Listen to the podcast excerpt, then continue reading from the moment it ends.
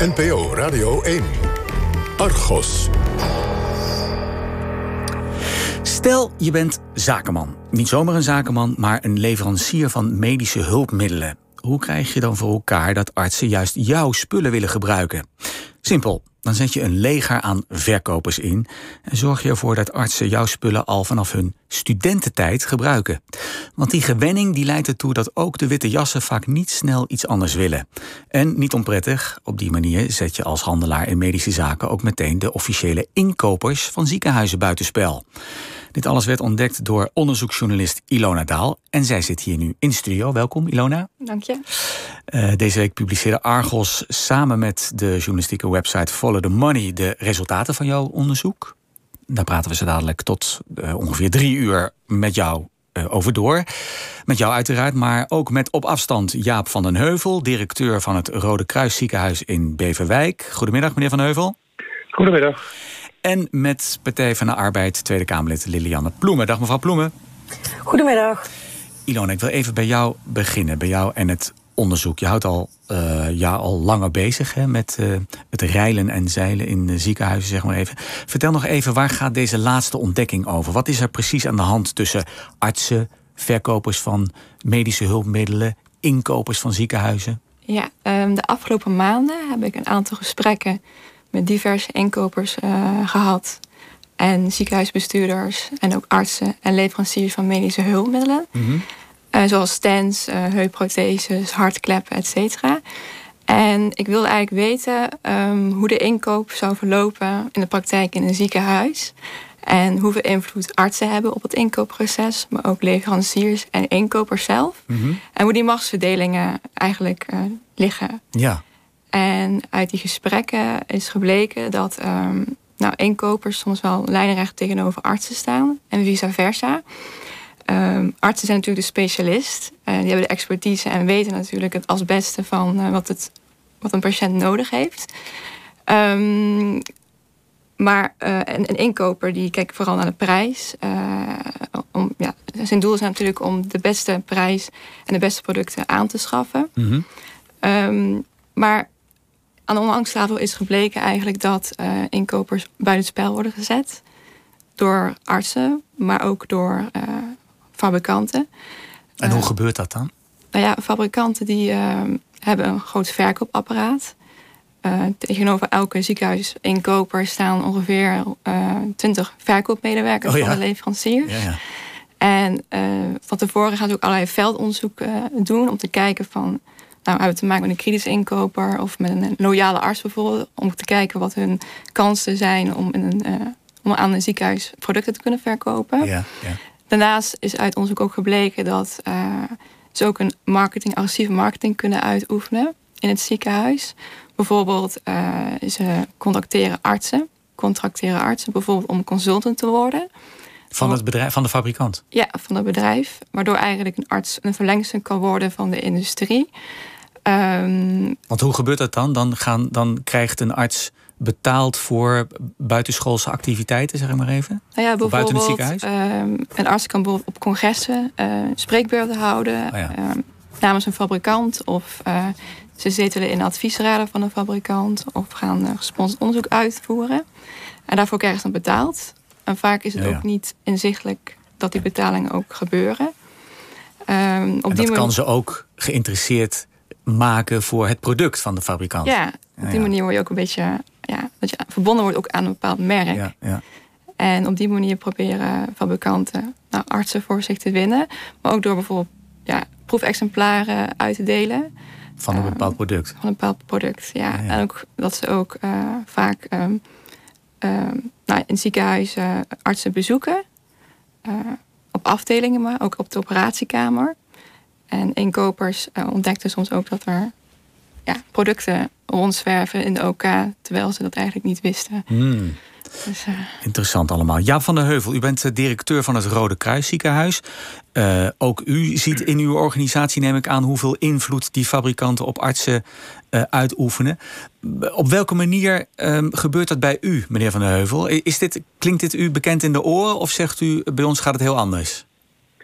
Nee, kijk, er zijn altijd contacten met leveranciers. Al was het maar om- als je bepaalde spullen verkocht hebt, dan dan moeten specialisten ingewerkt worden, getraind worden. En dat gebeurt ook vaak met behulp van de, van de leverancier. Dus daar, daar is verder niks mis mee. Mhm. Komt ook voor dat er inderdaad wel eh, een arts meehelpt om, eh, om een product te verbeteren. Dus dat is eigenlijk ook allemaal prima. Maar de beïnvloeding rond een inkoop, inkoopproces, daar zijn we altijd heel alert op. Hè. Dan komen ze toch weer wat vaker. En, en dan voel je wel eh, aan de artsen. eh, wij, wij proberen dan gewoon breed offertes uit te vragen van meerdere merken. en dan, ja, dan, wordt het, eh, dan wordt- de druk uitgeoefend. En ja, dan is het zaak dat je met elkaar afspreekt. We gaan gewoon een ordentelijk inkoopproces doorlopen. Dus iedereen mag daar zijn mening over geven. Maar aan het eind liggen dan wel de offertes en de kwaliteit helder op tafel. En dan nemen we een besluit. Ja, zo zou het moeten. Maar zo gebeurt het dus in de praktijk niet altijd. Nou, bij ons wel. Eh, en en eh, daar hebben we wel heel lang voor eh, geknokt. Ja. maar, de- en dat gaat met vallen en opstaan. Maar uiteindelijk is iedereen daar wel tevreden over. Hè, tenzij, ik, ik weet nagenoeg zeker dat dat bij ons niet zo is... maar tenzij er een arts echt financiële belangen heeft... Ja. ja, dan wordt hij gedupeerd. Maar uiteindelijk krijgen wij vaak de goede spullen voor de betere prijs. Doordat we het zo doen. Oké, Want dat is dus natuurlijk het hele doel van die leverancier. Die wil die, wil die arts beïnvloeden en die hoopt dan met een hogere prijs de deur uit te gaan. ja, ja. Ilona Daal eh, eh, van de Heuvel zegt... ja, in, in het Rode Kruis ziekenhuis is er, is er eigenlijk niets aan de hand. Bij ons gaat het goed. Maar ik heb begrepen dat jij in zijn ziekenhuis... toch ook wel iets hebt ontdekt, of niet? Eh, ja, in 2016 eh, ehm, is het Rode Kruisziekenhuis willen ze overstappen naar een ander merk staplers. Dat zijn? Een soort van niet- niet-machines om die gebruikt worden bij maagverkleiningen. Oké. Chirurgische niet-machines. Chirurgische Ja. niet-machines. Ehm, artsen waren altijd gewend om met de Johnson Johnson staplers te werken. Dat is een merk, hè? Johnson Johnson. Een grote multinational, Ja. die ook de markt eigenlijk dom- domineert naast Medtronic. Ehm, nou ja, er kwam een nieuwkomer, een Chinese fabrikant genaamd Feng. ehm, die redelijk goedkoper eh, zijn producten aanbood dan Johnson Johnson. Dus Mhm. dat, dat was interessant ook voor het Rode Kruisziekenhuis om te kijken van... zijn die staplers gelijkwaardig van kwaliteit? Ehm, in eerste instantie had ik begrepen ook van de inkoop dat dat eh, moeilijk ging. Ehm, dat artsen het niet kenden, wat ook begrijpelijk is natuurlijk. Dat je dan wat argwanend kan zijn om naar een nieuwe leverancier Ja. over te stappen. En bovendien waren ze ook altijd gewend vanuit een opleiding al om te werken met nou ja, één merk eh, van Johnson Johnson. Ehm, toen zijn ze begonnen te gaan testen met de staplers. En ehm, nou, dat ging af en toe wel lastig, had ik begrepen. Met die nieuwe staplers. Met die nieuwe staplers, ja. Er gebeurde dan één keer een incident. Ehm, en toen heeft Jan van Heuvel ook een intern onderzoek gestart van... eh, ligt het aan die stapler of... eh, Ja. of eh, ja. En, en lag het aan die stapler, meneer Van Heuvel? Nee, dat konden we wel, wel duidelijk maken. Het was ook best wel spannend. Want kijk, eh, ik wil. eh, Zo'n arts heeft er gewoon een goede reden om te blijven bij het product waar hij bij zit. Want dat, daar is hij aan gewend. En eh, daar Ja. moet hij iedere dag mee werken. Dus het omschalen heeft per definitie weerstand. Dat is, dat is Ja. logisch. Ja. En Als, als een dan- pen, als een pen lekker schrijft, dan wil je met die pen blijven schrijven. Daar komt het eigenlijk op neer. Exact, Ja. exact. Maar ja, dan roepen wij, kijk, als het ongeveer de helft van de kosten scheelt, dan willen wij ook graag naar een ander pennetje kijken. Ja. En dat hebben we gedaan. En, en kijk, natuurlijk eh, zijn er wel eens woordjes gevallen. En natuurlijk eh, eh, gaat het af en toe wel hard aan toe. Maar uiteindelijk is, hebben we wel gewoon met z'n allen de- een besluit genomen om, om die andere stapler te nemen. Maar hoe, Nou, is dat dan, hoe gaat dat dan? Want wa- u bent de directeur. Grijpt u dan gewoon als directeur in? Of hoe, hoe groot is Nou, die ik- weerstand we dan ook hebben- van artsen? Pardon, we hebben, we hebben eh, een hele goede externe inkoper ingehuurd. En die, eh, die ken ik overigens al wat langer. Die, die kon ik ook wel vertrouwen, denk ik. Eh, ook in termen van dat het proces zuiver gelopen wordt. Want je hebt er ook niks aan als iemand binnenkomt in jouw winkel... en die drukt daar overal van alles doorheen. Ja. Want dan krijg je daarna de problemen. Dus die, die, dat heeft hij ordentelijk gedaan. En ja, daar is bij tijd en wijle heel vaak over gepraat. Ja, ik ga me niet persoonlijk bemoeien... eh, met, met die discussies. Maar ik, ik vraag wel steeds aan die inkoop. Ja, ik vind toch dat je het nog een keer eh, moet aankaarten. En, en in de meeste gevallen lost hij het ook wel gewoon op. En op basis van argumenten, daar gaat het gewoon. om. Je moet kunnen laten zien eh, dat het product op zijn minst gelijkwaardig is. En, en dat het natuurlijk een stuk goedkoper kan. Ja. Artsen zullen dan misschien zeggen... ja, maar dat zijn dus typisch weer de inkopers. Die letten vooral op de prijs. Is goedkoop Nou- dan niet uiteindelijk duurkoop? Nou, in dit geval, kijk, niet. Want het, wij hebben het gewoon echt goed bekeken en laten bekijken, ook door externe. Mhm. En, en overigens staan de fabrieken van Feng en Johnson Johnson volgens mij uh, in dezelfde uh, provincie in China. Dus, dus uh, waarom zouden ze niet gelijkwaardig kunnen zijn? Dat, dat, Mhm. dus dat verhaal klopt ook niet. Maar de keerzijde is, als je geen goede inkopers hebt... de truc is dat je goed informatie moet hebben over prijzen. Wat doet de concurrent?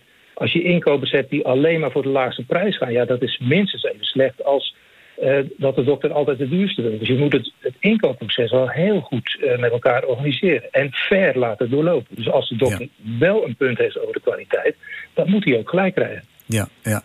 Is het natuurlijk, kijk, dat, dat blijft natuurlijk altijd een, een, een lastig uh, punt, lijkt me. Dat een arts zegt: Ja, weet je, ik, ik vind het gewoon fijner en veiliger om met een bepaald type injectienaald of stethoscoop of iets dergelijks te, te werken. Um, ja, dat is dan misschien wel duurder, maar ja, de patiënt is daar wel bij gebaat. Is dat niet een heel sterk punt waar heel, heel moeilijk tegen, iets tegenin te brengen valt? Nou ja, de, ik stel aan het einde altijd dan de vraag: en is het je dat dan anderhalf, uh, 150.000 euro per jaar waard? Ja, ja. Bijvoorbeeld. Om, om die bedragen Want, hebben we het. Jazeker. Ja. En dan hebben we het nog maar over één product. Ja. Dus, dus uh, uh, is het je zoveel waard? Dat zijn namelijk twee verpleegkundigen. Ja, ja. Is 150.000 euro de veiligheid van een patiënt waard? Ja, maar kijk, u, had, u zei, hij ligt wat lekkerder in de hand. Ja. Dat komt ook inderdaad voor. Overigens was het ook zo met die staplers van, uh, van uh, Feng, dat die wat minder goed lagen. Feng heeft dat la minuut aangepast. Dat heb ik nog nooit meegemaakt, dat het zo snel ging. Dus, ja, ja. dus wat dat betreft, uh, prima zo. Maar u heeft volstrekt gelijk, het is een nuance. En als er veiligheid in het geding komt, ja, dan moet je wel heel erg oppassen. Wil je, ja, wil je dan doordrukken? Dat, dat, dat vind ik bijna niet verantwoord. Uh, het, het, switchen is ook onveilig. Hè? Je bent gewend aan auto A en nu ga je in één keer met een automaat rijden en de rem zit aan de andere kant. Ik zeg, ja, dat is, kan gevaarlijk zijn. Ja, dus dan moet je op een goede manier introduceren, denk ik.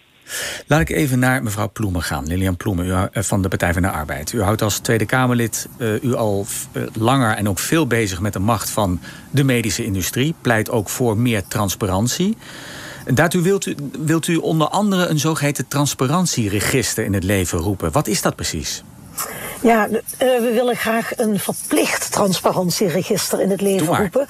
Uh, want er is nu een transparantieregister, maar dat is vrijwillig en dus kun je er eigenlijk niet van op aan. En wat mm -hmm. dat transparantieregister doet, is dat het alle financiële transacties tussen zorgverleners en de farmaceutische en de hulpindustrie registreert. En dat is belangrijk, want dan kunnen we zicht hebben op welke relaties er zijn tussen die zorgverleners en die industrie. Want ja, ik, uh, hoor het net ook weer van de directeur van het Rode Kruisziekenhuis. Uh, de industrie investeert natuurlijk in die relaties. Dat zijn vaak lange termijn plannen die ze daarmee maken. Mhm. Mm -hmm. um, en ja, daar wil je wel zicht op hebben. Um, worden artsen en zorgverleners uitgenodigd voor congressen? worden ze ingehuurd als consultant? Dat hoeft allemaal op zich niet verkeerd te zijn, maar dat willen we wel weten. Ja, en als ik hier dan even als potentiële patiënt naar kijk, hè, wat, wat hebben patiënten er dan aan dat er zo'n verplicht transparantieregister komt?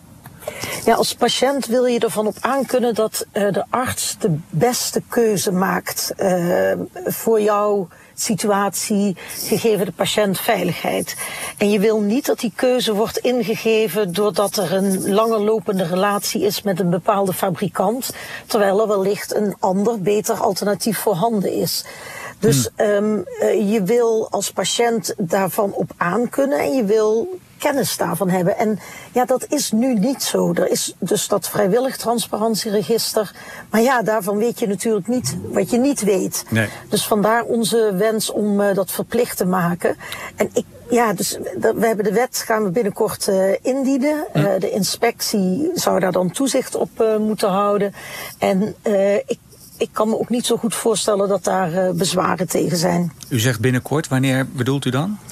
Ja, we hebben nu, uh, er wordt uh, nog technisch naar gekeken uh, hoe de wet ja, het beste in elkaar kan, kan verstoken worden, om het mm zo maar even te zeggen. en dan hoop ik het nou ja, ergens de komende maanden in te dienen en dan nog voor de verkiezingen te behandelen in de Tweede okay. Kamer. Het komt natuurlijk ook in ons verkiezingsprogramma en als er als iedereen op de Partij van de Arbeid stemt en wij kunnen het regeerakkoord maken, dan komt het zeker ook in het regeerakkoord, want het is ja. ontzettend belangrijk dat we ja, die, dat, die zichtbaarheid voor ons allemaal, uh, uh, dat we dat allemaal hebben. Helder, helder. Even meneer Van der Heuvel van het Rode Kruis Ziekenhuis. Wat, wat vindt u ervan? Is het, is het misschien al een idee om dat nu al uh, te regelen in uw ziekenhuis? Bijvoorbeeld dat iedereen die contacten heeft of afspraken maakt met bedrijven, dat die dat dan meldt in zo'n transparantieregister? Kijk, als ik moet besturen met externe registers, dan, dan dan is het einde zoek natuurlijk. Kijk, de dokters horen dat bij ons keurig te melden. Ja. Ik weet, je weet niet wat je niet weet. Maar ik ga ervan uit dat ze dat altijd gedaan hebben. dus dus uh, de contacten met die leveranciers die waren mij ook uh, bekend. Dus dat is, geen, uh, dat is niet nieuw. En ik vind het op zich goed dat mevrouw Ploem het voor de zorg opneemt. Maar als zij dingen wil verbeteren in de zorg... dan heb ik nog wel een lijstje met tien andere dingen... waar ze mee aan de bak kan. Dus, mm. dus uh, het, het, voor mij heeft dit geen prioriteit. Dus je moet het als directeur of als bestuurder moet je zelf weten hoe het zit in je eigen huis. We, of extern, oké. Okay. We geven ze dadelijk het 06-nummer van mevrouw Poelman. Dank u wel. ja, zeker. Ik hoor het. En uh, overigens zijn we ook met al die andere dingen bezig. En voor de duidelijkheid, het zijn niet de artsen die moeten rapporteren. Het is de industrie die moet okay, rapporteren. Okay.